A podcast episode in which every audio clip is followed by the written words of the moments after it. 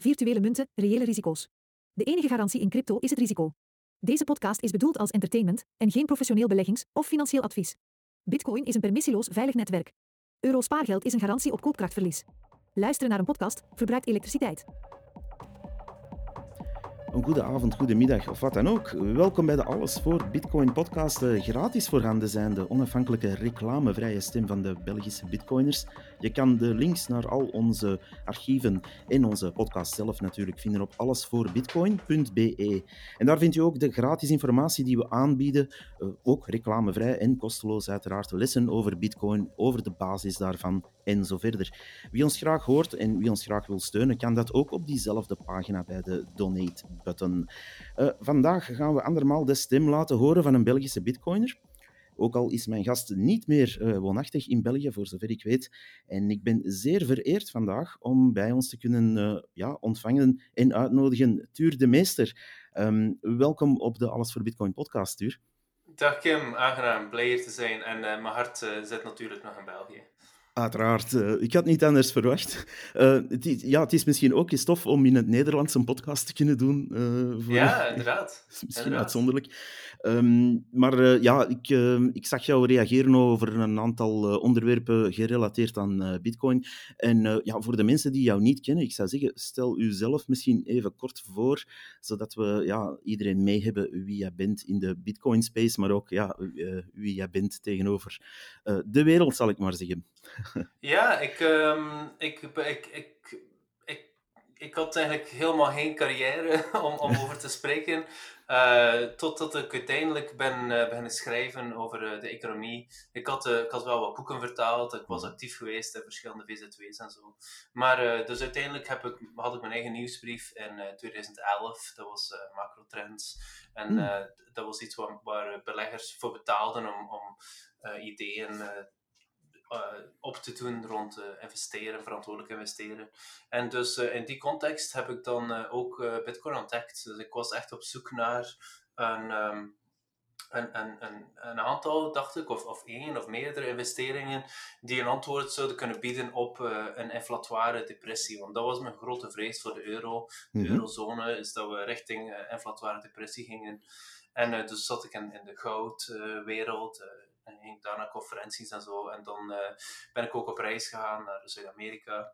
En uh, dus daar in Argentinië heb ik uh, Bitcoin leren kennen in 2011. En dan ook in contact gekomen met um, een andere Belgische Bitcoiner, Pieter Wuilen, die ondertussen internationaal bekend is als core developer die mhm. belangrijke bijdrages geleverd heeft. En dus eh, ja, dat soort dingen hielpen me om, om er dan over te schrijven, om het ook aan te raden aan onze lezers. Sorry, mijn hond is hier eh, aan het graven. Die is proof, aan uh, proof of work aan het doen. Proof of work, inderdaad.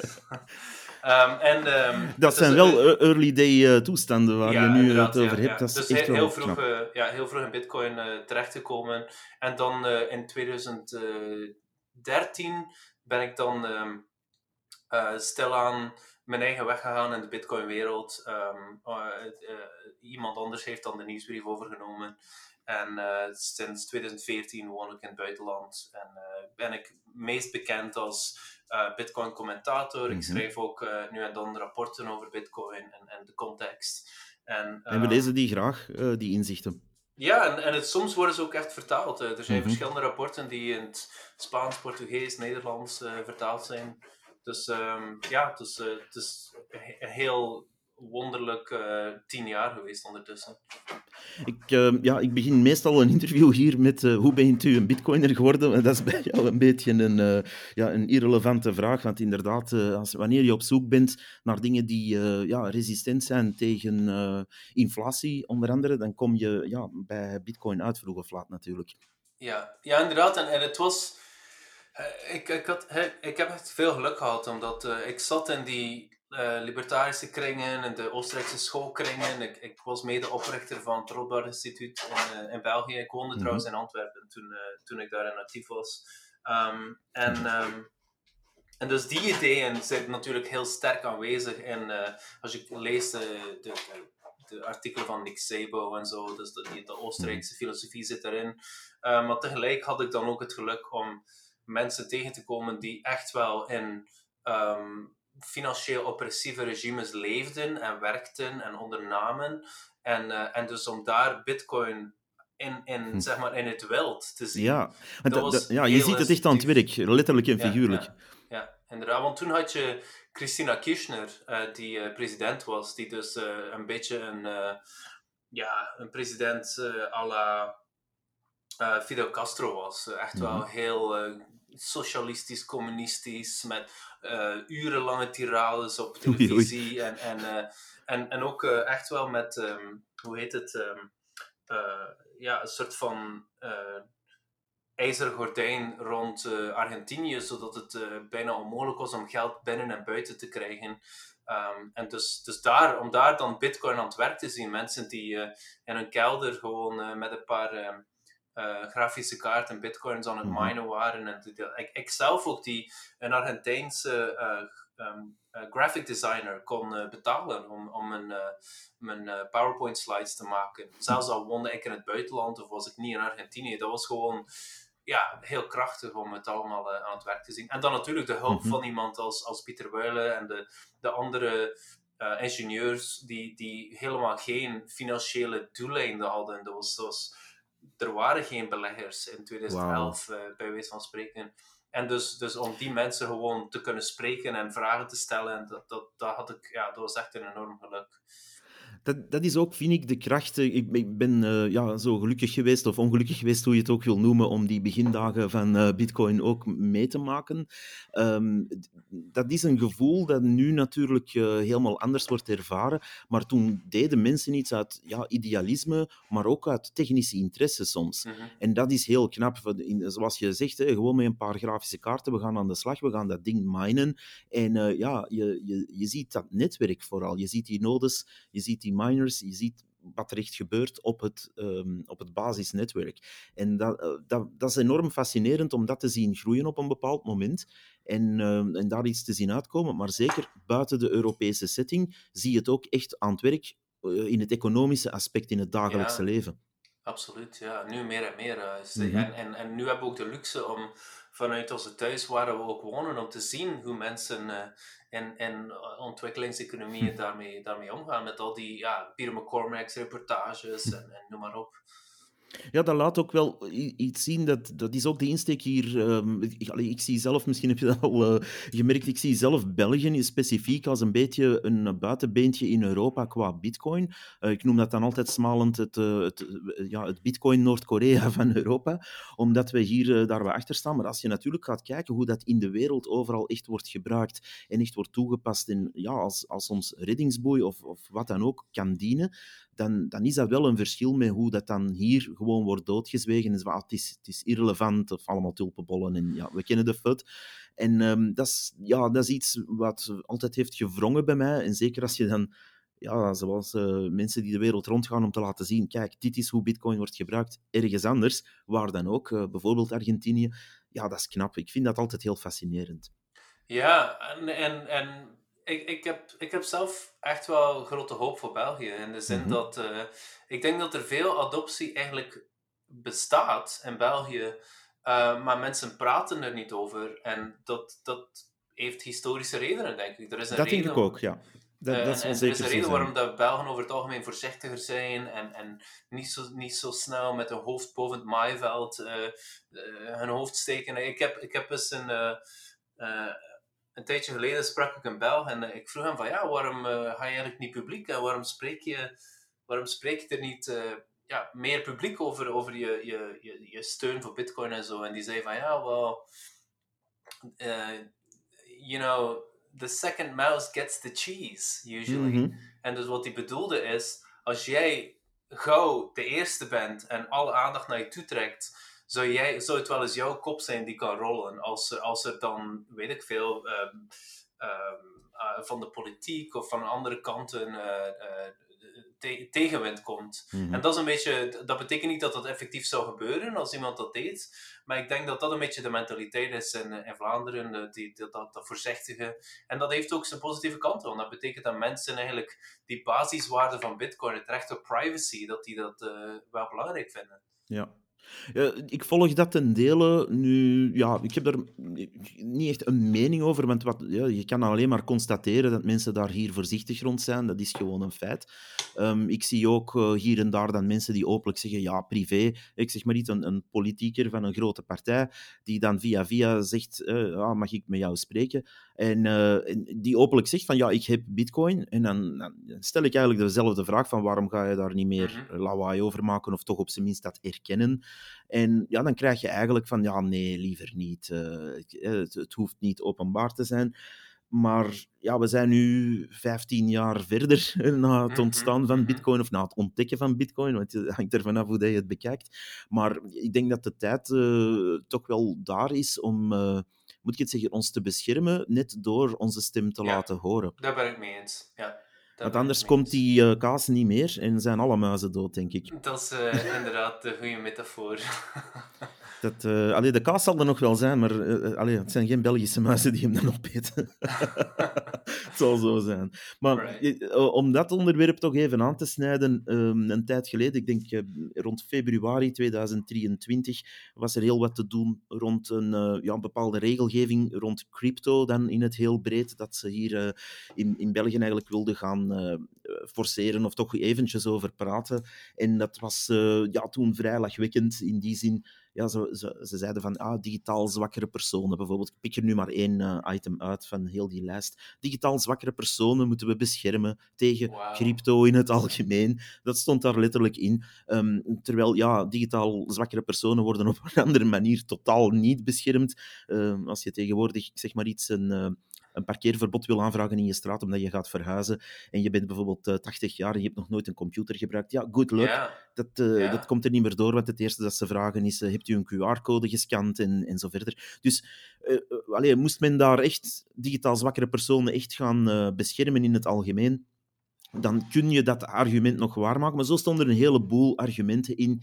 En dan, ja, dan voel je ook van, we staan hier echt nog wel uh, een beetje achter op dat punt. Ja, en, en er, is, er is een, ja, nee, er is een probleem met de slachtoffersmentaliteit in, mm -hmm. in België. Dat, uh, dat dus uh, de zwakken moeten beschermd worden. En, en, en er is een soort van mentaliteit van kleineren ook. Mensen, mensen, mensen gaan er, raar genoeg, en vooral politici, gaan ervan uit dat... Um, ja, iedereen anders is mentaal zwak en moet beschermd worden, behalve zij natuurlijk. Want zij, zij begrijpen de hmm. economie en zij kunnen zomaar uh, alles centraal gaan plannen. En uh, ja, geef maar de belasting aan ons en wij zullen dat wel bepalen uh, wat het beste is voor de zwakke mensen.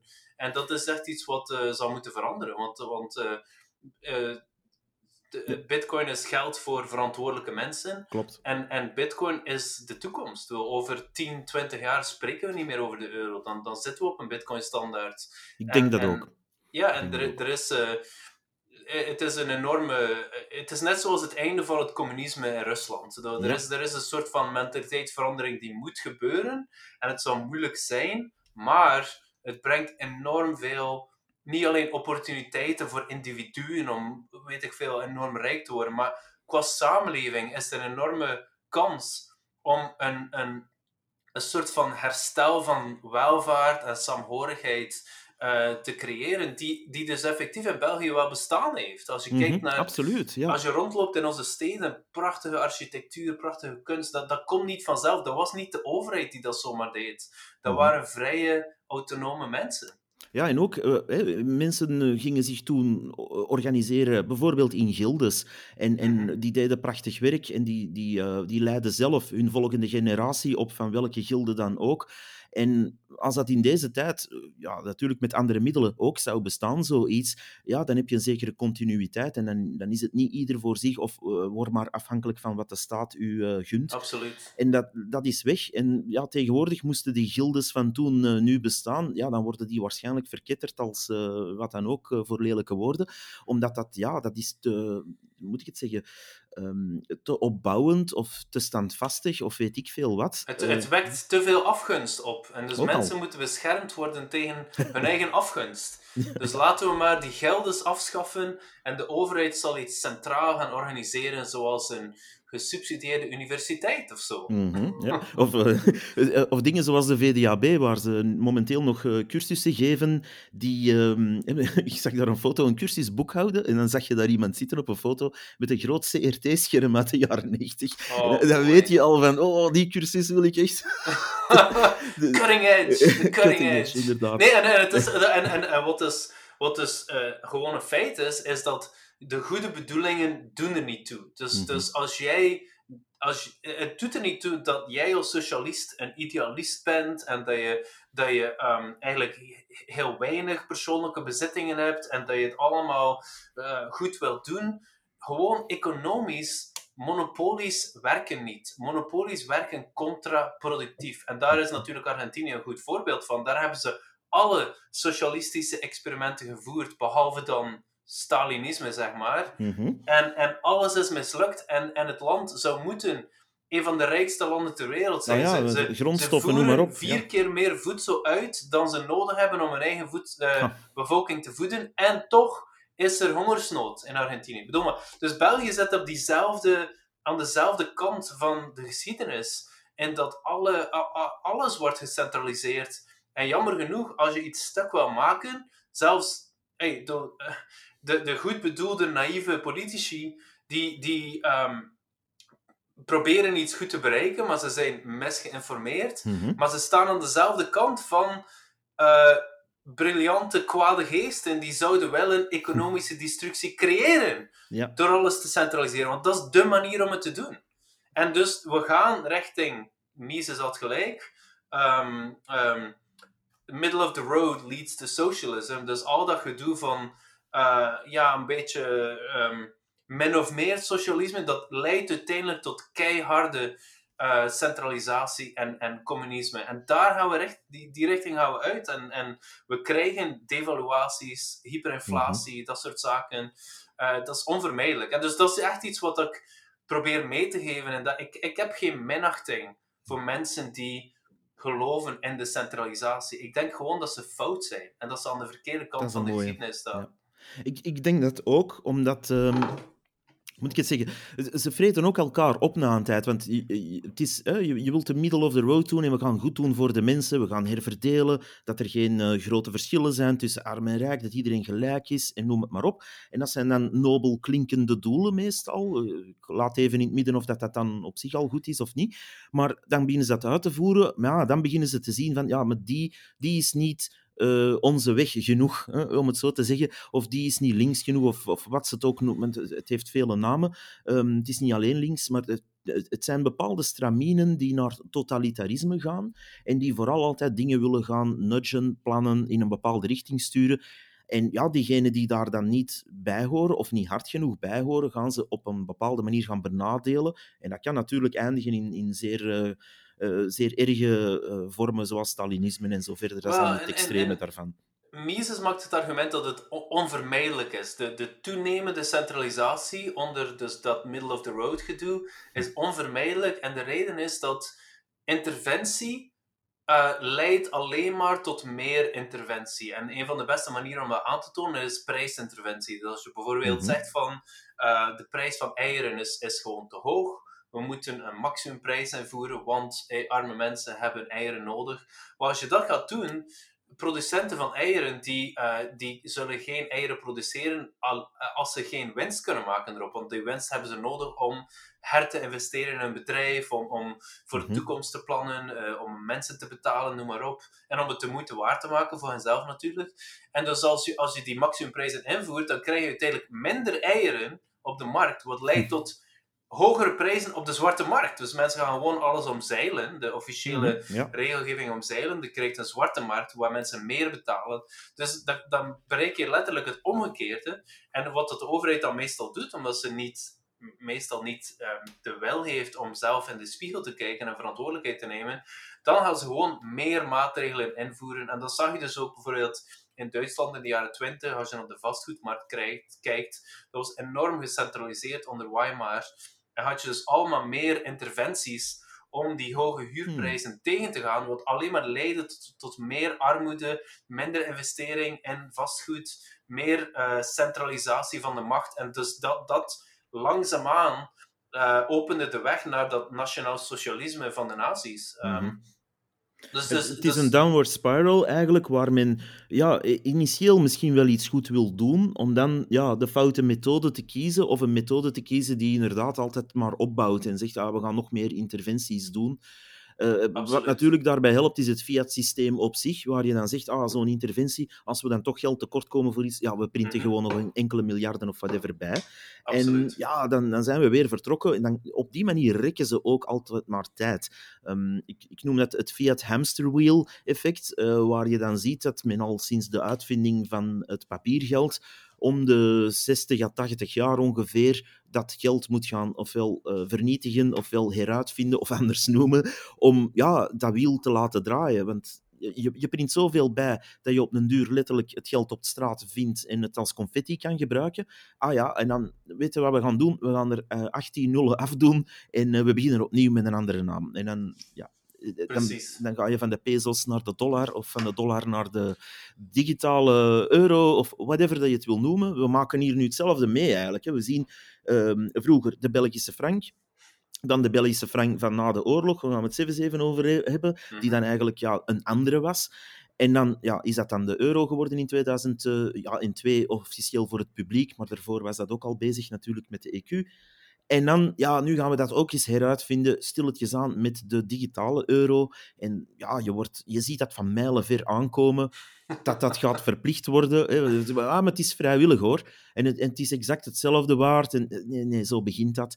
Maar op een duur is het niet meer vrijwillig, want oeh, u, u, u krijgt bijvoorbeeld een uitkering. Ja, nu gaat u toch verplicht worden om die app te installeren. Een app van Amazon Ja, of wat dan ook Ja, ja. om die digitale euro's. Wat eigenlijk geen euro meer is, maar ja, eh, geld met voorwaarden, om het zacht uit te drukken dan nog.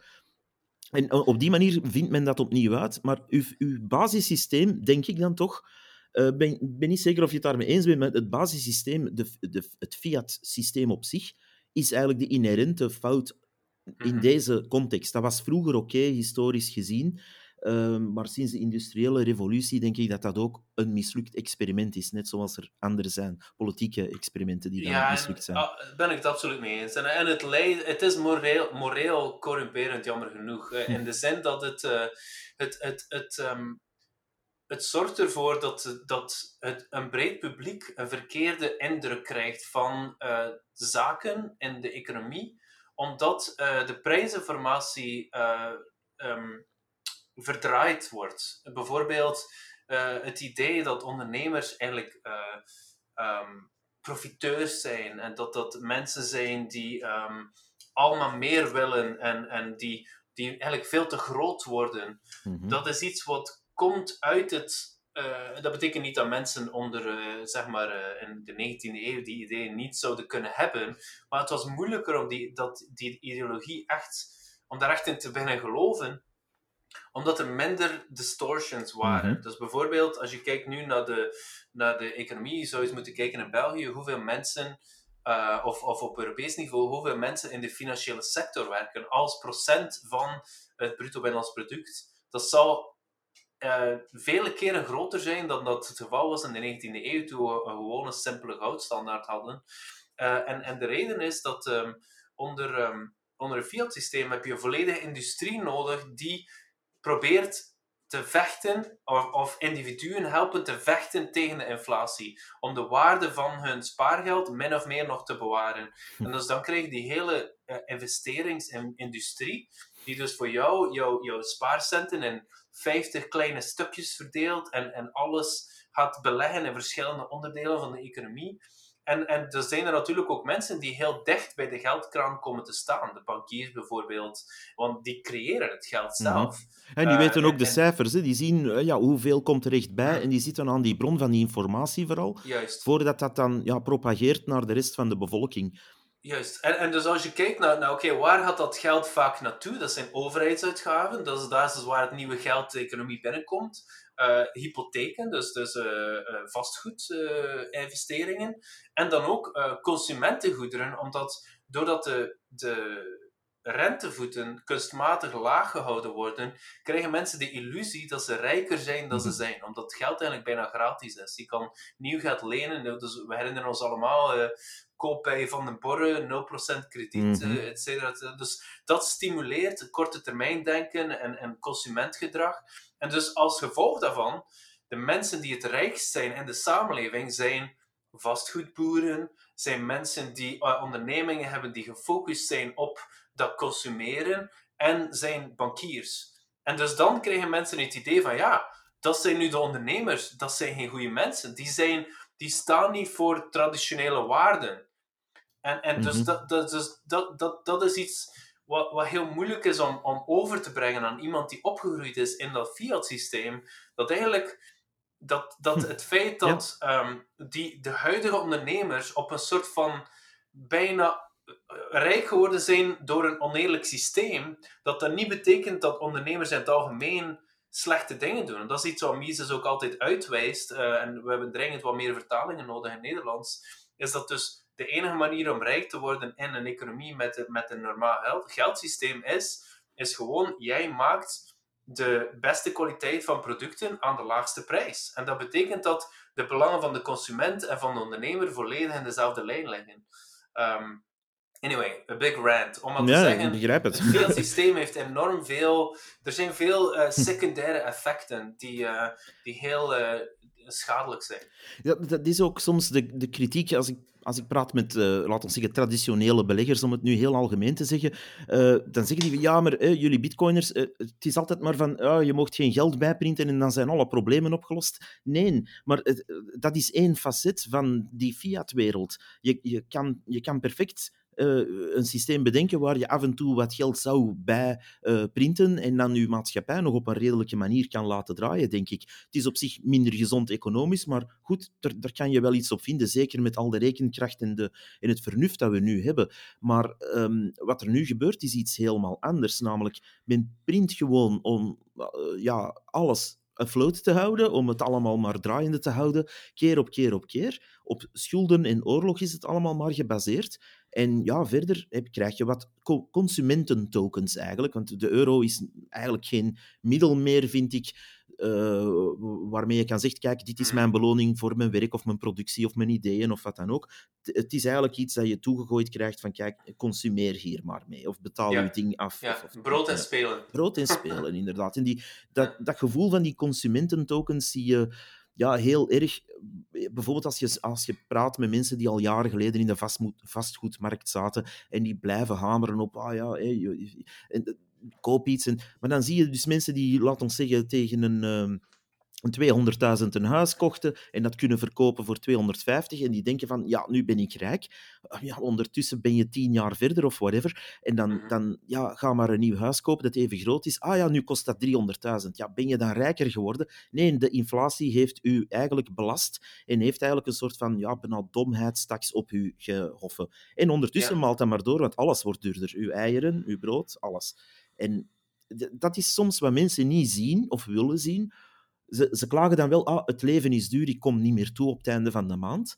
Maar die spiraal van ehm, dat fiatgeld zien ze echt niet, omdat dat ook niet zo wordt onderwezen natuurlijk. Hè. Eh, Absoluut, ja. Als, als je naar, naar school gaat, de, de, de geschiedenis die, en daarom, daarom is het werk die jij gedaan hebt rond de Belgische geschiedenis, denk ik, zo belangrijk. Omdat als je naar school gaat, dan krijg je inderdaad de overheidsversie van de feiten. mhm. Wat eh, vaak neerkomt op, ah ja, en er was een koning, en er was een politieke crisis, en dan heeft die politicus dat gedaan, en Mhm. noem maar op. En alles is een soort van ehm, theater van politici. En dat is zogezegd wat de geschiedenis drijft. In plaats van eh, de ongelooflijke ondernemers die België had heeft, bijvoorbeeld. Als je, ik, ik, ik, ik, eh, Maar, maar die mag je dan niet noemen. Die mag je dan niet noemen, want dat zijn allemaal slechte imperialisten.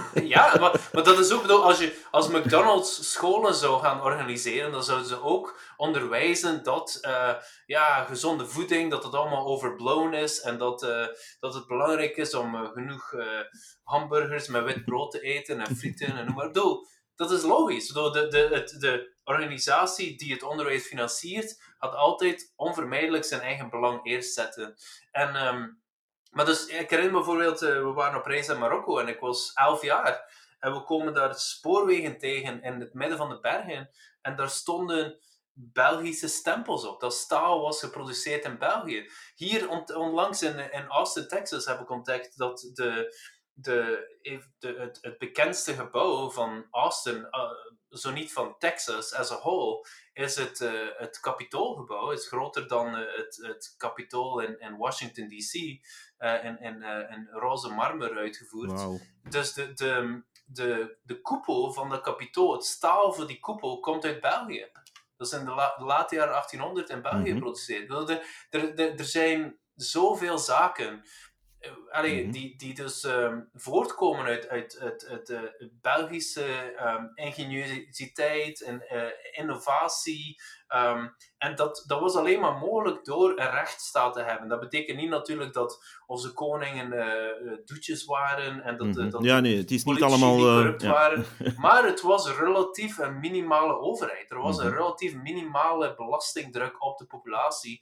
En eh, daarom had je dus die 19e eeuw, waar, waar we dus zoveel ongelooflijke architectuur gezien hebben, eh, zoveel prachtige kunst, Art Nouveau, noem maar op, eh, muziek. de, de, de, Mhm. hey, mensen wilden in Brussel wonen. Mensen, de- er waren Amerikanen die naar Brussel kwamen omdat het zo'n bloeiende stad was. En natuurlijk, als je terug gaat in de geschiedenis, Antwerpen was groter en belangrijker dan Londen. Ik bedoel, het was de belangrijkste stad in Europa. Ja. Ehm, En hier dus anyway, ook... dus er, is, er is een soort van, er is een soort van on, on, onontdekte geschiedenis die Klopt. mens, waar mensen niet van bewust zijn, omdat er zoveel van de media en van het, eh, van het, van het onderwijs door de overheid bepaald wordt. En dat is nu aan het veranderen door het internet. Door Ja. podcasts zoals de jouwe, door eh, bijeenkomsten, door evoluties zoals Bitcoin, eh, is, is alles aan het veranderen, geloof ik.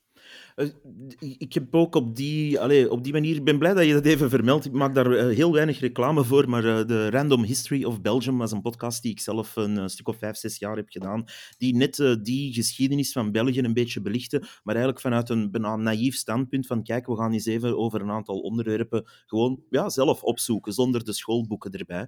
En dan kom je toch wel tot verrassende ontdekkingen, zoals bijvoorbeeld, ik geef nog een ander voorbeeld, Leo Bakeland, die eigenlijk aan de ja, eh, revolutie van de plastics eh, zat, eh, aan, aan de wieg daarvan stond. Ehm, nu, ja, we weten dat plastic vervuilt en dat het niet altijd... eh, dat heeft ook een ecologisch eh, slechtere kant. Maar toen was dat revolutionair om zoiets uit te Mhm. vinden, puur ook vanuit chemie-standpunt. Dus men heeft daar iets kunnen maken dat toch wel, of dat je het nu leuk vindt of niet, een revolutie heeft ontketend ehm, in allerlei Absoluut. zaken.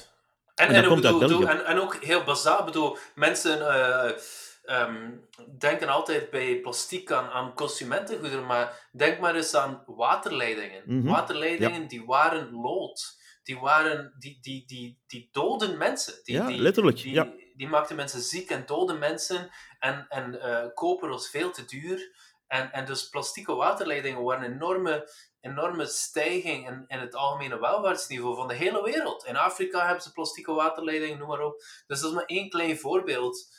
Ehm, Mhm. Inderdaad, hoe, hoe zoiets een, een absolute revolutie was. En zo zijn er vele voorbeelden, maar die, die schoolmethode, zal ik maar zeggen, is, eh, is ook inherent aan hoe je met fiat eh, leert omgaan. Hè. Maar op een bepaald moment heeft men dan het verhaaltje eigenlijk beginnen opdissen van, ah kijk, ehm, geld is iets dat wel een conventie is tussen mensen, maar het drukt echt een waarde uit. En daar is men heel erg mee beginnen gaan spelen, want dat was vroeger eh, ja, in gradaties natuurlijk ook wel waar. Maar eh, van zodra dat men fractional reserve begon te doen, van zodra dat men van de goudstandaard is eh, afgestapt, zijn er toch wel een paar, eh, ja, laten we zeggen, probleempjes opgedoken.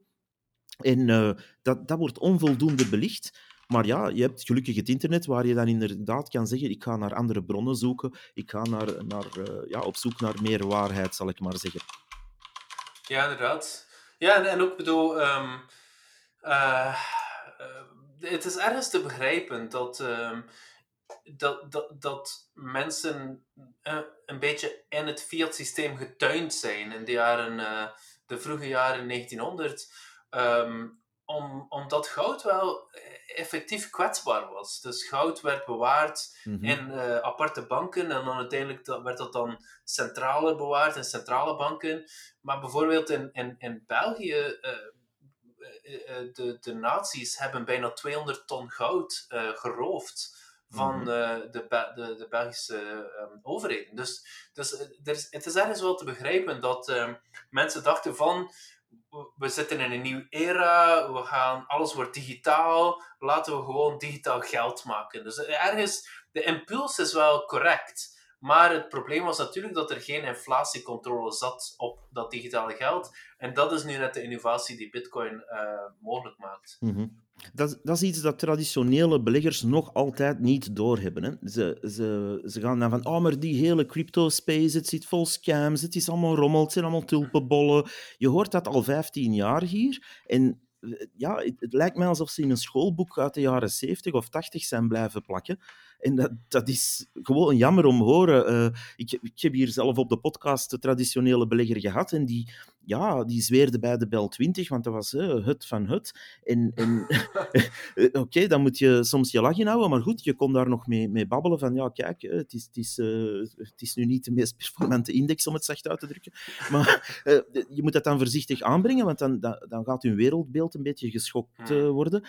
Maar ze plakken ook vooral in dat fiat-systeem waar je zegt van, kijk, van, van zodra je over bitcoin begint, gaan we even al de voordelen die er uh, zijn aan de kant schuiven. We zwijgen daar liefst over, of we gaan er niet dieper op in. We gaan die paar nadelen die altijd worden opgezomd en die al dan niet waar zijn trouwens, uh, goed in de verf zetten. We nodigen vooral mensen uit die daarover bezig zijn. En ja, je ziet dat dan in een krant jaren en jaren en jaren na elkaar uh, verschijnen, tot je natuurlijk ja, ik, ik heb daar zelf zoiets van gehad. Nu neem ik een micro vast, een twee jaar geleden, van nu ga ik een podcast erover maken, want ik kan dit niet meer aan. Ik kan niet aan dat er voor de zoveelste keer hier ja, onnozele tijden worden gezegd over bitcoin. Ik, ik blijf dat herhalen. Er zijn maar twee assets waar systematisch, dan spreek ik voor België, de, de, enkel de negatieve mensen in de tegenstanders aan het woord voorkomen. En dat is alles dat Elon Musk doet en bitcoin. Dus ja, als je een tegenstander bent van Tesla, dan mag je uh, zoveel aan het woord komen als je wil. Als je een tegenstander bent van Bitcoin ook. Um, maar dat is het dan ook. En voor de ja, rest ja. zijn er nog er, ergens wel nuances. Je kan bijvoorbeeld voor of tegen Umicore of whatever zijn. Allemaal fijn. Of je kan voor of tegen de staatsbond zijn. Zelfs daar hebben ze een paar uh, tegenstanders aan het woord gelaten. Niet veel, maar uh, dat mocht ook.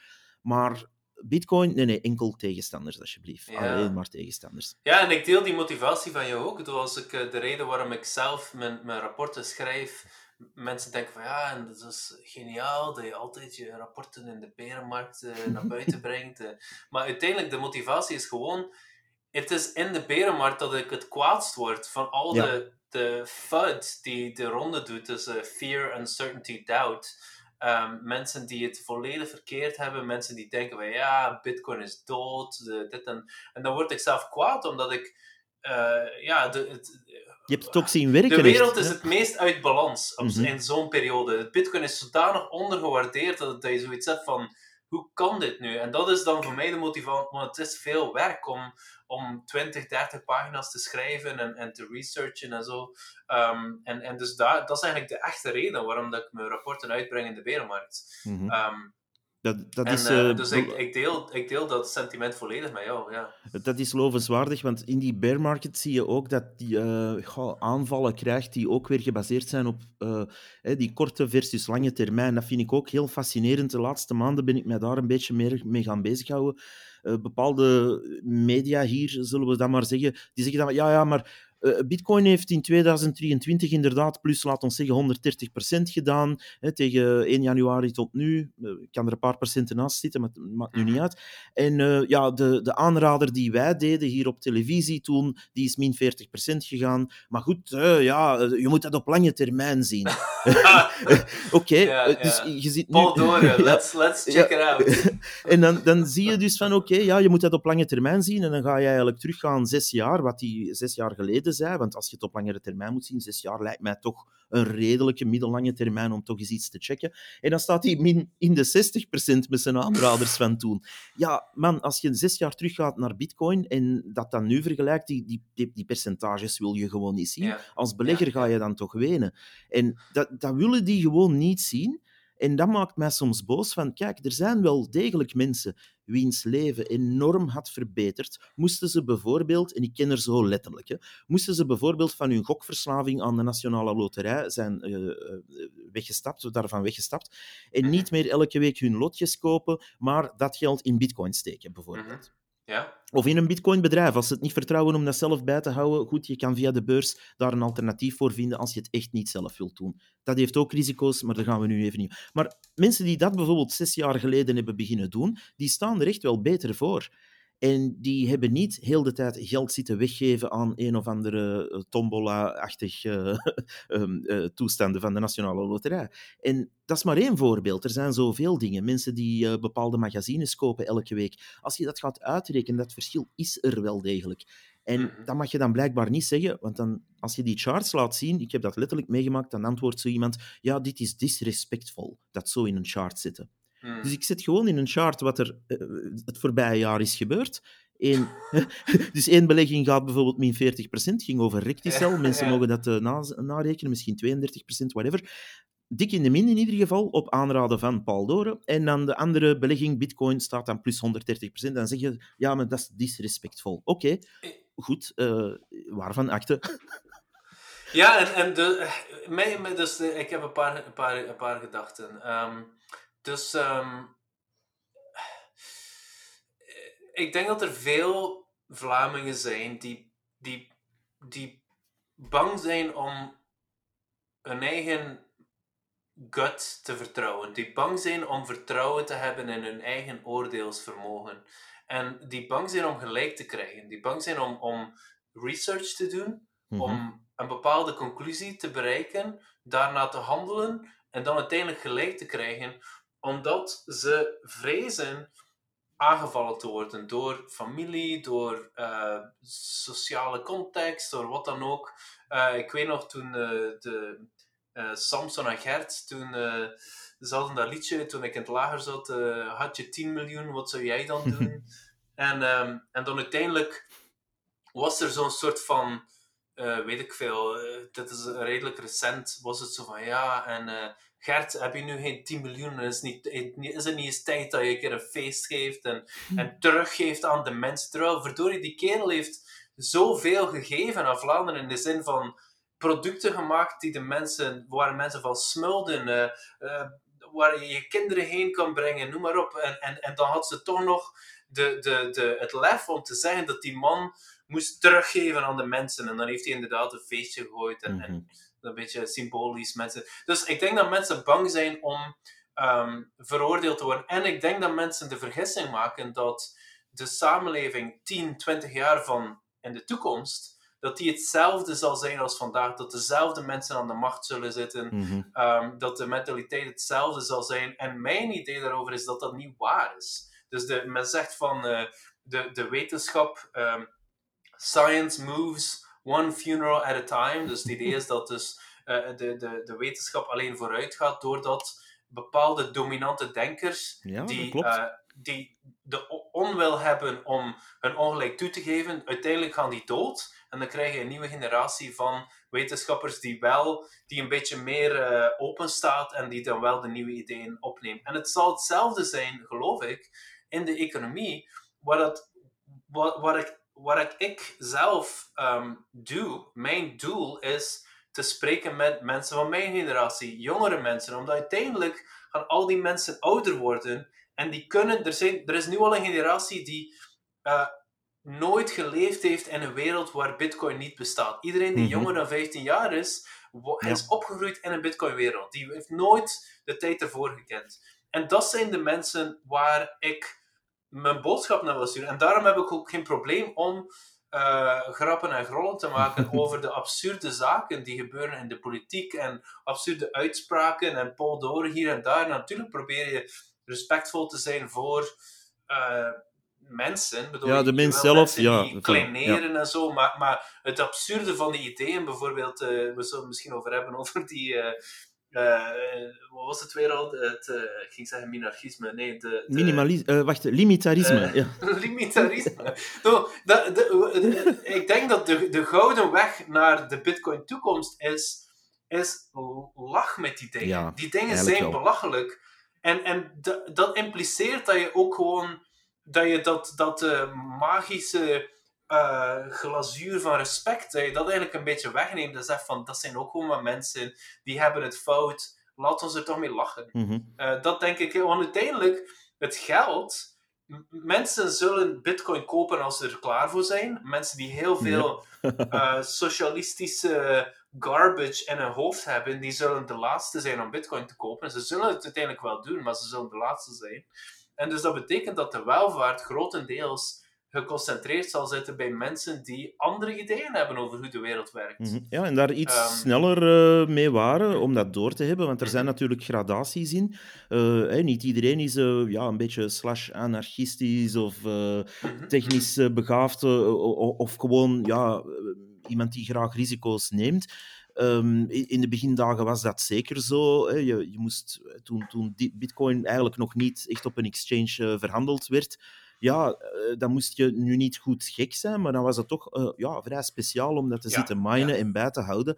Want de vraag was dan nogal makkelijk. En ik herinner mij zo één iemand die mij dat letterlijk vroeg van... Ja, je zet dat dan aan het minen, maar uh, waar staat dat dan? Ja, mhm. op de blockchain eigenlijk. Ja, ja, en dan? Ja, en dan, was, dan moest ik ook... Ja, en dan inderdaad. Ja, je kunt ermee niet naar, met naar de bakker gaan. Hè. Ja, inderdaad. En, en eigenlijk kan dat nog altijd niet, echt, als we heel eerlijk zijn. Allee, yes, mits lightning en zo verder wel, maar... Uh, niemand gaat hier in België naar de bakker met bitcoin. Uh, dat, om allerlei redenen. Maar eh, als je dat, nee, maar dat kan je met goud ook niet. Nee, maar die risico, mensen... Op dit moment exponentieel goud. En, Klopt, maar goud mensen snappen niet altijd dat... Je kan er niet alles... dat is een beetje de nirvana fallacy. Mensen hebben zoiets van, ja, maar er zit er wel iets in in bitcoin, maar mhm. hier is de, het perfecte idee van het perfecte geld. Waarom is het dit niet? Wel, dan, dan moet je zeggen van, wel, give it some time. Mhm. Ja, ik heb zo... Jammer dat ik niet goed kan tekenen, anders zou ik het in een cartoon zetten, maar ik heb zo het beeld in mij van een saloon ergens in de Far West, waar uh, iemand komt binnen, gerend, iemand zit, uh, er zitten vier man aan een uh, pokertafel een spelletje te spelen, en die loopt binnen en die zegt van, ja, ik heb eigenlijk goud gevonden in een rivier boven in de bergen, kom allemaal mee, want ja, dat ligt daar vol. En uh, dan zegt de ene van, ja, ik ben hier wel aan het drinken, dus dat is veel belangrijker nu. En de ander zegt, ja, ik heb hier net in de gazet gelezen dat, uh, dat goud dat zo gezegd zou bestaan, dat dat uh, erg stinkt. En dat je dat, ja, als de zon erop valt, dat verblindt je ogen. Dat is toch maar gevaarlijk. Allee, geluk ermee. En zo hebben ze alle vier hun redenen om niet mee te gaan. En uiteindelijk gaat die man terug naar boven en komt er een bankier voorbij en die zegt van, ja, zal ik het wel regelen hier. Dus dat is zo'n beetje... Ja, moet ik het zeggen? ik, ik vind dat soms heel frustrerend aan de ene kant. En aan de andere kant ja, moet je soms echt die strijd opgeven en zeggen: oh, Ik ga geen normies orange pillen, om het zo te zeggen. Ja, ja, ja, de mensen die echt niet, eh, ja, zoals je zegt, die gaan het laatste zijn om dat ooit te kopen of te hebben. En uh, dat is dan maar zo. Uh. Ja, en, en er, is, er is een soort van silver lining soms. Want ik heb zelf ook jarenlang, en dat was voor Bitcoin, had ik zo van die radicale libertarische mhm. ideeën en zo. En, en ik kon, ik kreeg maar mijn vriendenkring, mijn familie. Ik, ik, ik, ik, ik, ik, ik kwam alleen maar vijandigheid tegen als ik daarover praatte. En dan, dan ging ik, uh, uiteindelijk ben ik dan, uh, want ik woon in Nederland, dus zat ik vaak uren op de trein en dan ging ik met volledig met vreemden in debat over dat soort dingen. En, en dan langzamerhand ben ik dan gewoon beginnen schrijven over die dingen. En dan duw je gewoon je ideeën op het internet. En dan magischerwijs mm na jaren van dat te doen, kom je opeens heel veel mensen tegen die zeggen van ja, en drie jaar geleden heb ik dat ding gelezen dat je schreef of die podcast gehoord en, en het is heel magisch hoe dat werkt. En, en, en, en ik, ik, wat ik bedoel is dat de, de silver lining van mijn frustratie is dat ik dat, dat me de motivatie gaf om gewoon ehm, dingen in de wereld te doen. Ja. En, en, en, en en dan laat je het gewoon open. Dan, eh, eigenlijk is het een beetje libertarisme ten top, omdat het gewoon...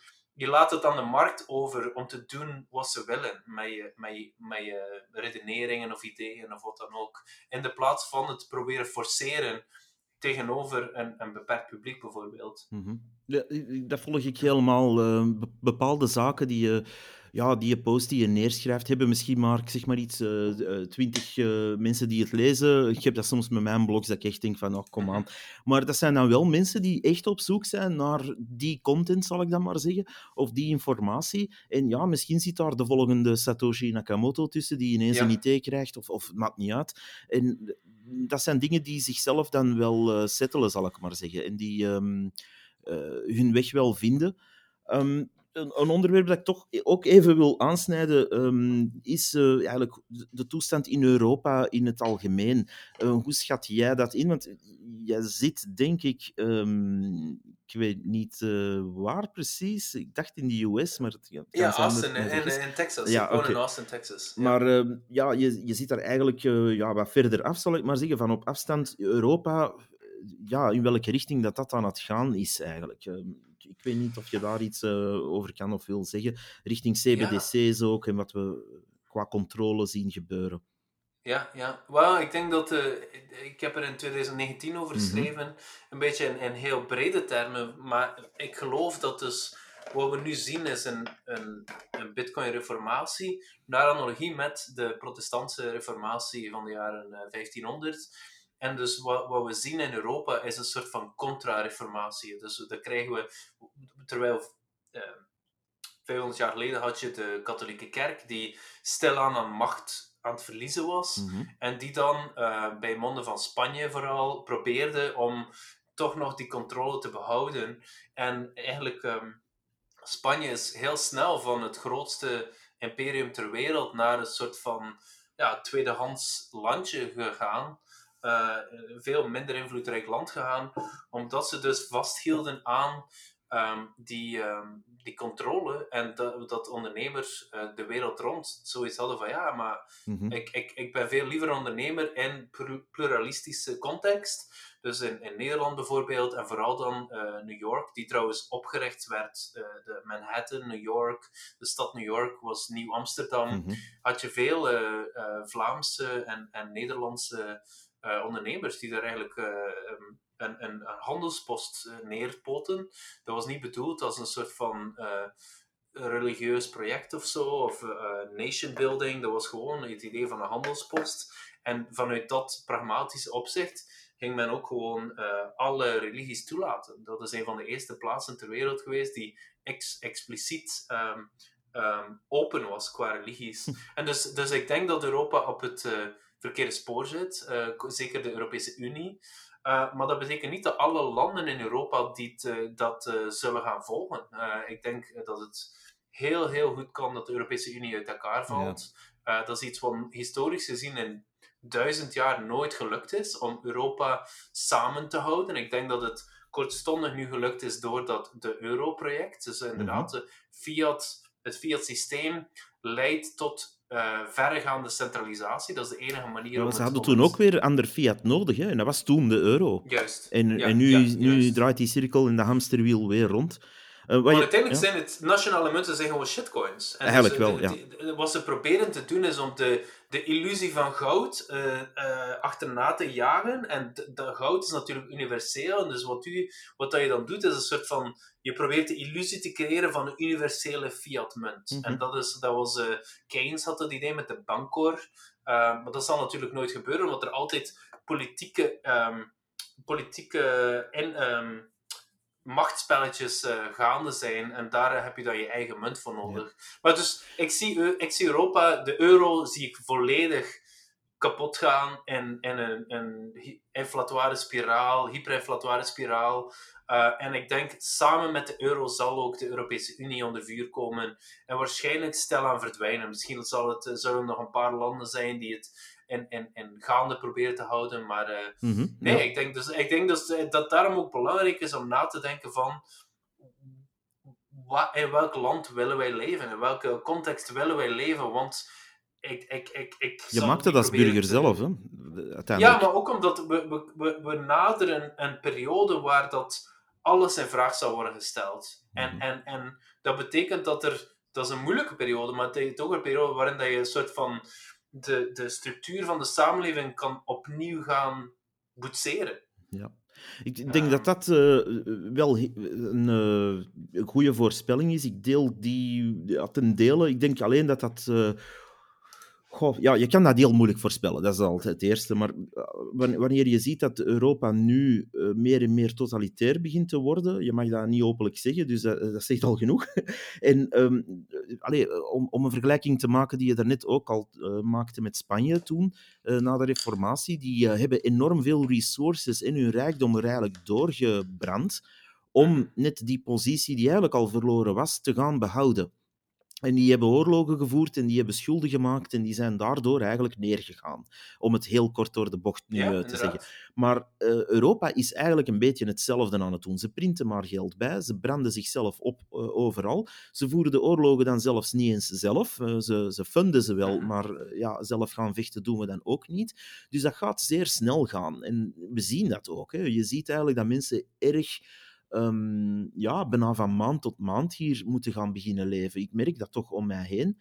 En dat, mm-hmm. dat, ja, dat is toch, als ik dan even terugblik naar de jaren 70, 80, uh, 90 zelfs nog, uh, was dat toch ja, niet in die mate. Nee. nee, we leven aan het begin van een depressie. Mm-hmm. Dit wordt uh, de jaren 30, eh, misschien erger nog. De, ik denk dat de jaren 2020 een soort van verloren decennium worden, uh, waarbij dat mensen al maar minder te verliezen zullen hebben. En dat is, dat is het kruid van de revolutie. De, de Franse revolutie kwam niet zomaar uit het niets. Dat, was, uh, dat werd voorafgegaan door hyperinflatie. Mm -hmm. en, uh, en dat is zeker niet iets wat ik wens, maar ik vrees dat het, ja, dat het in, de, in de taart gebakken zit. En daarom dat ik ook denk, ben ik ook niet, niet bang om zoiets te voorspellen aan het einde van de euro, omdat het alle ponzi's klappen in elkaar, mm -hmm. uiteindelijk. Het, dat is net de grap, van wanneer. Zelfs, ja. zelfs, zelfs Stalinistisch, uh, communistisch Rusland de, de, de collapse zat al in het systeem ingepakt. Het was gewoon een kwestie van wanneer. Er was zo, ik heb zo ooit een presentatie gedaan, een vergelijking tussen de ECB, Europese Centrale Bank voor de luisteraars, en de, en de vroegere GOS-bank, dus eigenlijk de, ja, de, de USSR-bank. En die centrale bank was natuurlijk onderdeel van hun planeconomie, een, een command-gedreven economie. En daar, uh, ja, die, die vergelijking is wel te maken, want zelfs de structuur is hetzelfde, waar je een, twee-lagen systeem hebt voor de, uh, laat ons zeggen, de grote uitgaven onderling tussen departementen. Uh, bijvoorbeeld, we moeten staal hebben om treinen te maken, of eender wat. Dat werd allemaal met verzonnen roebels betaald, van boek naar boek. En ja, voor het gepeupel, zullen we maar zeggen, hadden we wel papieren geld geprint, zodat die ook eens iets kunnen kopen. En dat zat al ja, ingebakken, zoals je zegt, in het systeem, dat dat ging neergaan. En nu nu gaan ze dat eigenlijk kopiëren, dat systeem, want ze hebben nu de digitale middelen, eh, de computers, om dat eigenlijk te gaan forceren, een total control coin van te maken, of wat je het ook wil noemen. En ja, dat zal komen. Je, je gaat eh, rond juli 2024 de eerste testen daar rond zien in uh, Europa, waar je ja, mensen gaat krijgen, ambtenaren, mensen die uh, bijvoorbeeld werkloos zijn, die zullen gedwongen worden om zo'n app te installeren en die fake euro's te aanvaarden. Ja, en dan is het wow. hek van de dam, denk ik, want ja, die gaan ook zoeken naar, oei, uh, uh, ik heb geen ontsnappen meer. Want ja, als je daarin betaald wordt, moet je daar ook mee naar de winkel en noem maar op. Uh, en het kan elk moment afgenomen worden, of er kan een vervaldatum opgezet worden, of wat dan ook. En dan zie je, en dat is het leugenachtige eraan, vind ik, dan zie je iemand van, een, een vertegenwoordiger van de ECB, um, iemand van dat marketingdepartement op een Nederlandse podcast komen, bij hoog en bij laag beweren, nee, we gaan de digitale euro niet programmeren. En op het einde van de uitzending zegt ze dan, maar we gaan het wel limiteren op 3000 euro per. dus ja, eh, wat ben je dan aan het doen? Je bent de mensen aan het beliegen uh, binnen hetzelfde programma zelfs. En dan, dan denk ik van, ja, Bitcoin is onze enige reddingsboei hier. Ik zie geen andere reddingsboei. Misschien in tweede plaats goud, maar dan nog.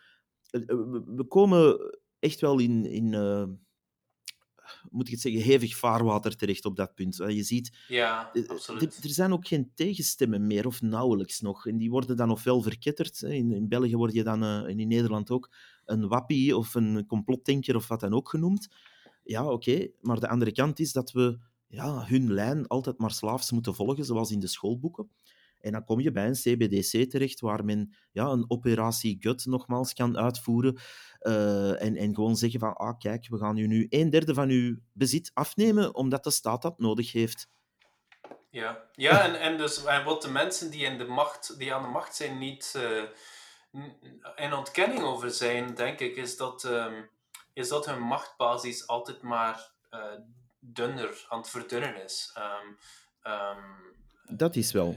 Eh, en, en, en dat is iets, dat is daarom dat er bijvoorbeeld in, in Argentinië zie je dat nu ook, er is zo'n consternatie rond de, de Kirchneristen en de, de, de mensen die zo lang aan de macht waren, dat het zo snel is kunnen keren. En, en opeens zijn ze, zijn ze hebben we democratie wel nodig? En misschien, uh, er is zo'n consternatie. En, en, maar tegelijk is het ook zo snel. En, en dat betekent niet dat, het de, dat de buit binnen is natuurlijk, qua, qua ja, liberalisering van, van Argentinië. Dat mm zullen we moeten zien. Maar het is toch opmerkelijk hoe, um, hoe weinig echte effectieve tegenstand er eigenlijk is, en dat is ook Millet's punt, mhm. is dat dus de mensen die aan de macht waren, dat zijn geen ondernemers. Dat zijn niet de meest capabele, slimste mensen. Dat zijn gewoon de mensen die op de kap van andere mensen willen leven en die uh, allerlei garen gesponnen hebben bij het vertellen van verhalen aan de kiezer, Mhm. die fout waren, foute verhalen, en die dat dus jarenlang gedaan hebben en die nu gewoon moreel, uh, financieel, cultureel bankroet zijn. Ja, helemaal. Hè? En- Ja, daar daar En, en, zeker. en het, is, het is tijd voor een, voor een nieuwe wind. En, en zoiets zal in, in Europa zeker ook gebeuren. Er zullen bepaalde landen zijn, jammer genoeg, die zullen meer afdalen in, in lange termijn socialisme, zelfs fascisme. En dan zullen we ook andere landen krijgen die zeggen van afuera met de euro, weg met de euro. En wij, wij bouwen een, rechtsstaat. We Mhm. gaan een rechtsstaat bouwen met minimale overheid, waar ondernemers eh, gevierd worden en waar, ehm, waar misschien ook een aantal veranderingen gebeuren in eh, hoe, hoe, ehm, hoe ehm, de, de rechtbanken werken en hoe de democratie werkt. Van, misschien dat we meer rechtstreekse democratie krijgen, zoals in Zwitserland, zoals in, hier in Texas. Terwijl, bijvoorbeeld hier in Texas, ehm, rechters worden hier verkozen. Je Wauw, ondenkbaar in Er België. zijn Ja. verkiezingen, er worden 3000 rechters ver- verkozen in, in, in, in Texas op regelmatige basis. Dus dat verandert de dynamiek in de samenleving. Dus, dus, ehm, eh, dus er is zoveel mogelijk. En dus daarom ben ik ook heel blij dat ik nu leef. Soms, Mhm. soms had ik het moeilijk en dacht van verdorie, waarom, waarom moet ik nu, nu leven met al die, al die ehm, Ja, begrijp kut, kutveranderingen, zeg maar. Die, al die, al die eh, inflatie die eraan zit te komen en, en paniek en, en noem maar op. Maar aan de andere kant is, het- betekent het ook dat er zoveel nieuwe mogelijkheden bestaan is-. En, en ook, allee, ik denk effectief dat we nog gaan zien eh, dat bijvoorbeeld de ECB, eh, die hebben daar in Frankfurt een, eh, ja, een soort van groot gebouw, een soort van campus gebouwd, waar een 3800 mensen werken. En dan denk ik van, dit is, allee, ik vind dat tegen de borst stotend eigenlijk. Ik, ik moet hier tax betalen, net zoals elke Europeaan. En dan moeten we het maar slikken dat er daar mensen... Wat, wat- ja, wat zitten die daar allemaal te doen, vraag ik dan mij Ja. af. Hè. Ehm, ik- ja. ik- er zullen een paar mensen leuke charts maken, er zullen een paar mensen studies maken. Dus ik zeg niet dat die er allemaal niks zitten doen. Maar die decadentie eigenlijk van die... Ja, eh, wat er in Argentinië ook is gebeurd, van die bende, zullen we het nu maar noemen, of een groep mensen, die eigenlijk misschien ooit zeer sociaal zijn begonnen. Van, ah, we gaan de werkmens verdedigen. En, en daaruit is dat allemaal ontstaan. Dat is cool. Maar dat is uitgegroeid tot een soort van kabaal, een soort van... ehm, eh, eigenlijk een dictator met vele gezichten. Het is niet meer één iemand die op Mhm. een spreekgestoelte Ja. staat en we gaan dit doen en dat doen, maar het is eerder een groep mensen die bijna onzichtbaar is, faceless zijn en die gaan regeltjes opleggen en uitvinden, net om hun eigen bende nog eens werk te geven. En ik vind Ja. dat prachtig, wat er in Argentinië nu een poging, hè, want het is een poging, we gaan zien hoe dat afloopt, het is nog maar net bezig, maar het is toch tenminste een erkenning van de mensen die hier aan de macht waren, dat was zo'n nest geworden, dat dat eh, eh, het hele land verstikt, dus we gaan dat opkassen. Dat is eigenlijk wat die man... Afuera. Ja, afuera, we gaan er met de kettingzaag in en we gaan het ministerie van dit en dat en zo verder sluiten, want dat Ja. zijn mensen die we niet meer nodig hebben nu, voorlopig. Hè, want dat komt misschien wel terug in een bepaalde vorm, maar... eh, en dat, dat zie je in België niet. Als ik zie dat een... Ja, ik heb, dat is mijn, een beetje mijn stokpaardje, maar ik heb een beetje van binnenuit eh, een organisatie als VDAB gezien hier eh, in België. Mm. Ah, je ziet hoe dat je... Dat kan toch niet blijven bestaan, zoiets. Dat is zo nutteloos, zo geld opslorpend en dat blijft gewoon bestaan? Ja, omdat het bestaat, omdat dat zogezegd in onze instituten en onze systemen nuttig is. En zo zijn er waarschijnlijk nog tientallen, honderd misschien andere, die, ja, we betalen er allemaal voor, want er wordt tax opgehaald in het fiat-systeem om dat allemaal te bekostigen en om die mensen eigenlijk ja, hun pensioen en hun vakantiegeld en noem het maar op te geven. En dat wil ik nog even eh, toevoegen daaraan. Het is niet omdat je zoiets gaat uh, op orde zetten of daarvan afstappen van dat fiat-systeem, dat een bitcoin-standaard bijvoorbeeld asociaal zou zijn. Dat je mensen gaat laten in de goot stikken. Ik durf zelfs zeggen, er gaan veel minder mensen in de goot stikken dan uh, in ons huidig systeem dan. Nee, nee, absoluut. En, het is, het is, en dat is een van de, ja, van de grote ja, stokken die men gebruikt om, om mensen, uh, om, mensen van natuur uit zijn vrij plichtsbewust, die hebben een gevoel van verantwoordelijkheid. Mhm. En als je daar iemand hebt met een duur diploma die zegt tegen jou van ja, maar we hebben dit systeem nodig, anders uh, gaan alle arme hm. mensen uh, nog veel armer worden en zullen ze op de straat moeten leven en noem maar op, um, dan, dan hebben mensen de neiging om, om, om ja, niet te protesteren. Maar, maar inderdaad, als je vrij, solidariteit, dat was een van de dingen die we wat, wat uh, vergaderingen rond georganiseerd hebben toen ik student was in Gent. Solidariteit bestaat eigenlijk echt maar als het vrijwillig is. Mm gedwongen solidariteit is geen solidariteit. Het is gewoon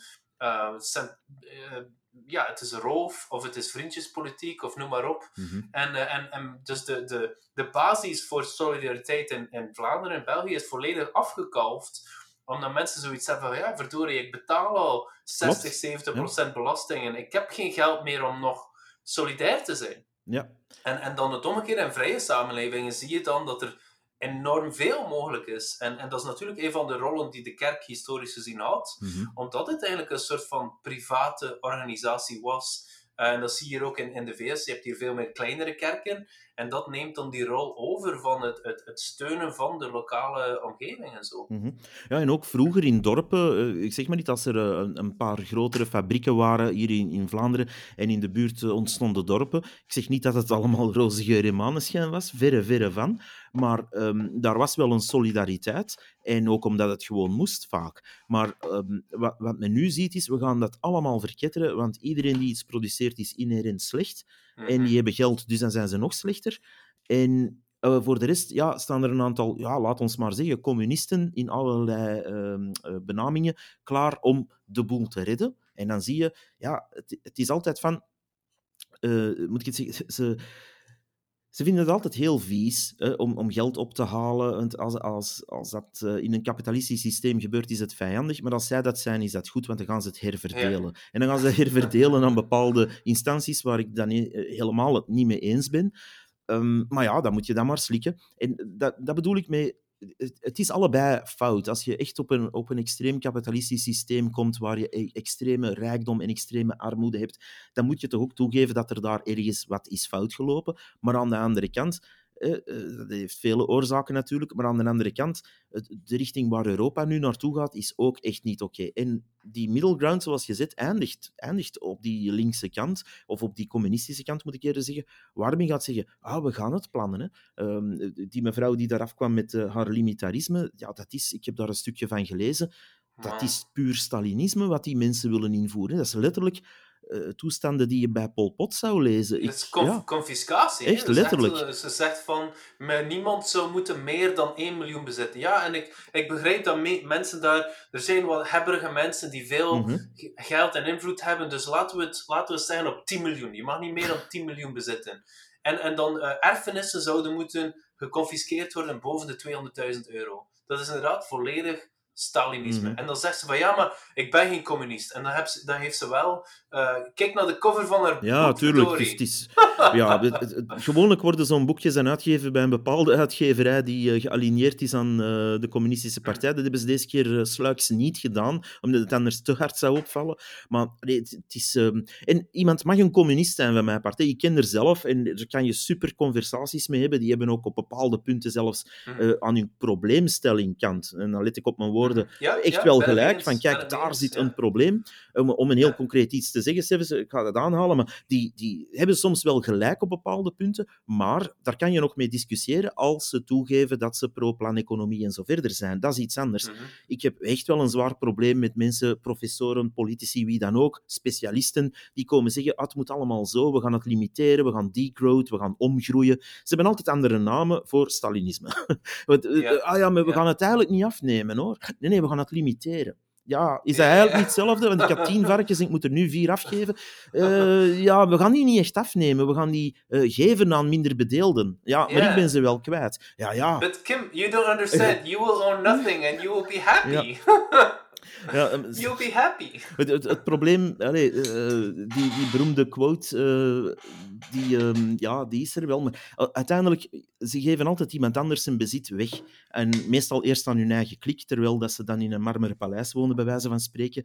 En daar Ja. heb ik wel een probleem mee, dat de Europese Unie in die richting eh, evolueert. Vooral omdat men geld aan het fake, nog faker maken is dan het al was. Het is al erg genoeg dat we op een fiat-standaard zitten. Maar Mhm. dat dan ook nog eens vervangen door bijvoorbeeld de CBDC, waar je echt geen kans meer hebt. Als, ze, als ze dat morgen invoeren en je wordt verplicht, bijvoorbeeld als werkloze die keihard naar werk aan het zoeken is, om dat ding te aanvaarden, en ze zetten daarop, ah, uw geld is nog maar zes maanden geldig, dan, dan Ja, kan je niet meer vooruitkomen. Hè. Dan ontneem en je ook, mensen bedoel, hun kans. en, en ook, je, je, je, je, oh, we zien dat jij te veel geld spendeert aan, eh, mm, aan eh, eh, bier en eh, sigaretten. Ja, je, het is, je, we fout. zullen je, je uitgavenpatroon moeten beperken voor de komende drie maanden. Dat, dat soort dingen. Klopt. En dat, die, of je eet te veel vlees. Hmm, vlees is niet gezond volgens de laatste studie. ja, of je, je hebt je abonnement op de standaard opgezegd. Dat is Ja. verdacht.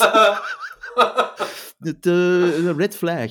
Nee, die, die, die dingen komen eraan. We lachen er nu wel mee, maar dat, dat is eigenlijk jammer genoeg ernst. In die zin, je, je, ik, kan- ik kan niet uit de biecht klappen hier, maar ik weet van bepaalde patronen af. ehm, vanuit een andere hobby van mij, van iets.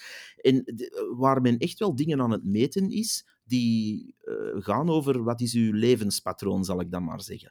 Eh, of het nu Mhm, over ja. roken gaat, of over eten, of over welke soort eh, dingen dat je koopt.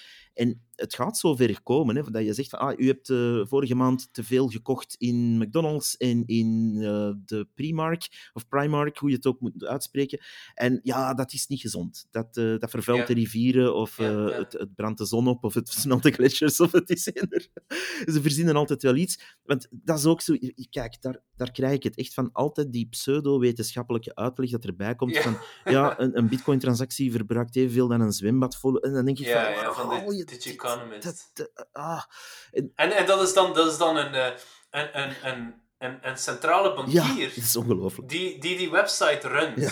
En die volledig eh, foute informatie gebruikt. Maar die, dat is een soort van eh, verdeling van, de, van het werk. Want zijn gegevens kunnen andere mensen dan zomaar als waar aannemen Ja. en als wetenschappelijk presenteren, omdat het van The Digiconomist komt. Ja. En dat is een De betrouwbare bron. digi-communist. Ja. Het klinkt wel, het klinkt wel professioneel. Het klinkt heel professioneel en als je dat Mm. gewoon sec leest, ehm, het gaat over Alex de Vries trouwens, ik heb geen schrik om die naam te noemen, dat is iemand die eh, Mm. goh, ehm, al herhaalde malen leuke informatie heeft gratis eh, ook eh, ten berde gebracht, die, laat ons zeggen, gelinkt is aan de Nederlandse bank, de centrale bank, maar die Mm. verzint dan dingen zoals, ja, bitcoin werkt bijvoorbeeld per transactie, terwijl iedereen die bitcoin nog maar een beetje kent, je moet daar zelfs geen specialist in zijn, weet dat dat niet zo is. Hè. Wij werken per blok eigenlijk en, en niet per transactie. En dan nog, dat is een beetje zoals gaan uitrekenen, ja, hoe vervuilend is een wagen per wielrotatie? En dan, Ja, eh, je, ja. je bent dingen aan het proberen te berekenen om eigenlijk te zeggen, dit is slecht. En dan, dat lees je dan bijvoorbeeld, om terug te komen naar het begin van ons gesprek, ehm, de Belgische politiek die dus in februari een debat heeft en waar dan letterlijk in staat, ja, volgens de informatie die wij binnenkrijgen, is proof of work zeer slecht, omdat dat dus de gletsjers smelt en eh, te veel eh, schade heeft aan het milieu en, en het klimaat. Maar er is nu proof of work. nu, hè, ze staan tien jaar achter, maar goed, eh, of, het scheelt niet veel. Eh, er is nu proof of work en dat is veel beter voor het klimaat. En dan, dan kan je alleen maar je hoofd schudden van waar halen die mensen dat? dat allee, en dat zijn dan onze politici eh, die die wetten schrijven. Hè? Ja, I mean, en, en, het, ja, en het land der blinden is één nog koning. Absoluut. Ja. Maar en, en, en Belgen, Vlamingen hebben een heel, heel lange ehm, geschiedenis van vreedzaam verzet. Er zijn minder, eh, veel minder Joden die, eh, en, die eh, in, in België naar de concentratiekampen gestuurd geweest zijn dan in Nederland bijvoorbeeld. België is ook het e- enige land waar een, ehm, een, een, een concentratiekamp transporttrein gestopt is geweest. En, en waar dus effectief mensen, Joden, bevrijd zijn geweest Mhm. Op, eh, op Belgische bodem. Dus wij hebben echt een, een lange, lange geschiedenis van vreedzaam verzet. En, eh, en dat zal, eh, dat, zal, eh, dat zal de kop opsteken. Dat zal echt iets, ik geloof dat echt. Ik geloof daar ook wel in, ja. Het is iets, kijk naar Argentinië, Mhm. dat is iets wat, wat mij enorm veel hoop heeft om te zien dat zelfs een land die decennia lang onder de knut van het socialisme zat, de mensen daar een, een, met de juiste. Ja, combinatie van persoonlijkheden kunnen zeggen van laten we eens echt iets nieuws proberen. Laten we echt eens iets nieuws proberen op ons eigen bodem op een vreedzame manier en laten we het echt eens een kans geven. En ik, ik, ik, ik geloof echt dat dat komt naar Europa. Het is Mhm. gewoon een kwestie van tijd. En, en mensen, het enige wat mensen nodig hebben is een beetje meer geloof in hun, in hun eigen kunnen. ja. Dat is het, denk ik het enige, want we kunnen het absoluut. Dat, dat eh, geloof in verzet heb ik wel, maar dan eerder voor een, een bepaald segment van de jongere generatie en een bepaald segment van, laten we zeggen, Gen X eh, Mhm. eh, leeftijd ongeveer. Omdat daar nog ergens iets in zit van... Ja, maar bij de anderen merk ik toch heel veel zeer, zeer slaafse... Ja, maar hoe lang zal die macht nog blijven duren? Goh, Ik bedoel, de mensen ja. die zitten op... Mensen als Paul Door, ik, ik, ik, ik heb het niks tegen hem, maar bedoel... Ja, de is een zelf ken ik niet. Ja, voilà, ja. Maar dat, dat soort mensen zitten, ze zitten op een berg van staatsobligaties en Bel 20 aandelen. Hoeveel zal er nog waard zijn? En hoeveel van hun tijd zullen die mensen nog kunnen spenderen aan het, het, het in de wereld sturen van propaganda? En hoeveel tijd zullen ze moeten spenderen in het gewone betalen van een volgende energierekening? Ik Mhm. bedoel, de, de, die generatie, die, die, die, dat duurt niet eeuwig. Nee, er, klopt. er komt een nieuwe wind. En we zeggen het allemaal, de, de politiek is, is verouderd. En, en, eh, en, en wat we vaak krijgen is de zone van. ja, of de die Ja. poli- de politieke dynastieën, dat zullen uiteindelijk ten einde komen. Mhm. Eh, laten we zeker hopen dat het op een vreedzame manier gebeurt. Maar het, het, het, ehm, Laat ons hopen. eh, mensen zullen op een gegeven moment het, er genoeg van hebben. Ja. Eh, Mhm. ik, ik denk, om, om daarmee stilletjes aan af te sluiten, ehm, Mhm. ik denk inderdaad dat... als we nu naar de politiek kijken in, eh, in België, ik zag vandaag nog zo'n artikel passeren waar dan echt ja, bijna mensen die in de tachtig, nee, letterlijk in de tachtig zijn, nog eh, wat commentaar zaten te geven over hoe dat... Die tijd is inderdaad eh, beperkt, dus die generatie, die eh, zienswijzes, maar ik denk ook de politieke formaties op zich dekken de lading, de, de, dekken de lading al lang niet meer. In die zin, ehm, dat, dat klassieke ideetje van ah, je hebt aan de linkerkant twee, drie partijtjes, aan de rechterkant twee, drie partijtjes, en, en dat deelt, eh, moet ik het zeggen, de mening... Je voelt je niet meer vertegenwoordigd. En ik merk dat eh, aan Ja. heel veel mensen in mijn buurt... eh, moet ik het zeggen, hele, heel veel zeggen, ik ben politiek dakloos. En dat zegt al heel Mhm. veel, dat is het einde van deze cyclus. Ja, nee, absoluut. Eh, er is, eh, de, de inflatie staat volledig niet op, op het programma. Ehm, Mhm. Eh, ja, er zijn heel veel. De, de, het idee dat de overheid zou moeten minder geld spenderen is bijna absurd. Mhm. Mensen zien dat als absurd. Eh, terwijl Millet zegt van ja, er is gewoon geen geld meer. Ja. No hay plata. Ja, maar de- in de jaren negentig was het eigenlijk al duidelijk. eh, hè, dan was er hier ook een eh, kortstondige opflakkering van ja, libertijnse denkbeelden. Maar oh, los van die man zelf, Van Rossum heeft toen wel gezegd van ja, maar kijk, eigenlijk moet er eens iemand op televisie komen en gewoon zeggen de banken zijn dieven en uw geld is op. Ehm, ja, en dat is inherent ook wel waar gebleken. Maar ja, dat mag je niet openlijk zeggen. Hè. Dat is een quote, mensen, ik zeg dat niet. Maar ehm, het, het, is wel, eh, het, is wel zo dat er wat broeit. En ik hoop dat dat wat vooruit begint te gaan. Want uiteindelijk, het einde van die cyclus moet ook geen twintig jaar duren. Ik zou graag nog iets meemaken daarvan.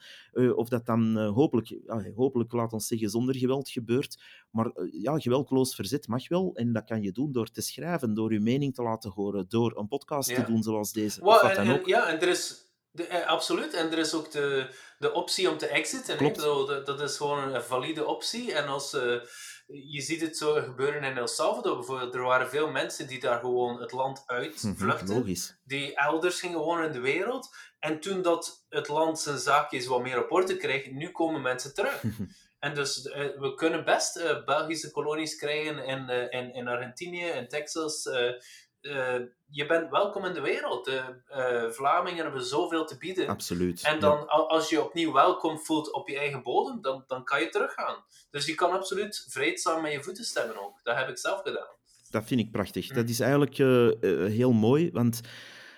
Oh, um, ja, nee, daar, daar ga je eigenlijk ook eh, iets... Bijvoorbeeld de, de, de, moet ik zeggen, de emigratiecijfers, daar was ik naar aan het zoeken, um, die, uh, die worden sinds enkele jaren moeilijker en moeilijker bereikbaar. Dus ik, ik had dat voor een bepaald onderzoek even nodig. En je kon het eigenlijk altijd vrij makkelijk opzoeken. Dus dan ging er bijvoorbeeld, ik zeg maar iets, 9000 uh, Belgen die effectief um, geregistreerd waren in het buitenland en ja, emigreerden. En opeens, ik dacht rond 2018, 19 zijn die cijfers cijfers, uh, ze zijn nog te vinden hoor, maar je moet echt wel dieper gaan graven om die uh, te vinden. Terwijl je ervoor gewoon naar Stadbel ging en, en, je zag dat daar. Misschien is het ondertussen hersteld, maar dat, dat vond ik... Nee, ik dacht van niet. Want de laatste keer dat ik zocht is een paar maanden geleden en dan... Uh, en dat zegt toch iets. Ik denk dat die emigratiecijfers ook wel verrassend zijn, want ja, wie gaat er uit België weg om naar bijvoorbeeld Argentinië, Costa Rica of eh, El Salvador te gaan of naar Portugal? Um, ja, dat is een, uh, een ander kaliber mensen, denk ik, dan de mensen die uh, ja, elke avond naar VTM zitten staren en denken dat Paul Doren gelijk heeft. dat is, dat is een brain drain, absoluut. Ja, en natuurlijk, ja, je kan ergens anders een job gaan doen en zeggen, ja, kijk, mijn carrière gaat die richting uit en ik ben weg naar New York of waar dan ook. Maar um, ik denk toch dat er daar een heel percentage terug bij zitten die met hun voeten stemmen, zoals je zegt.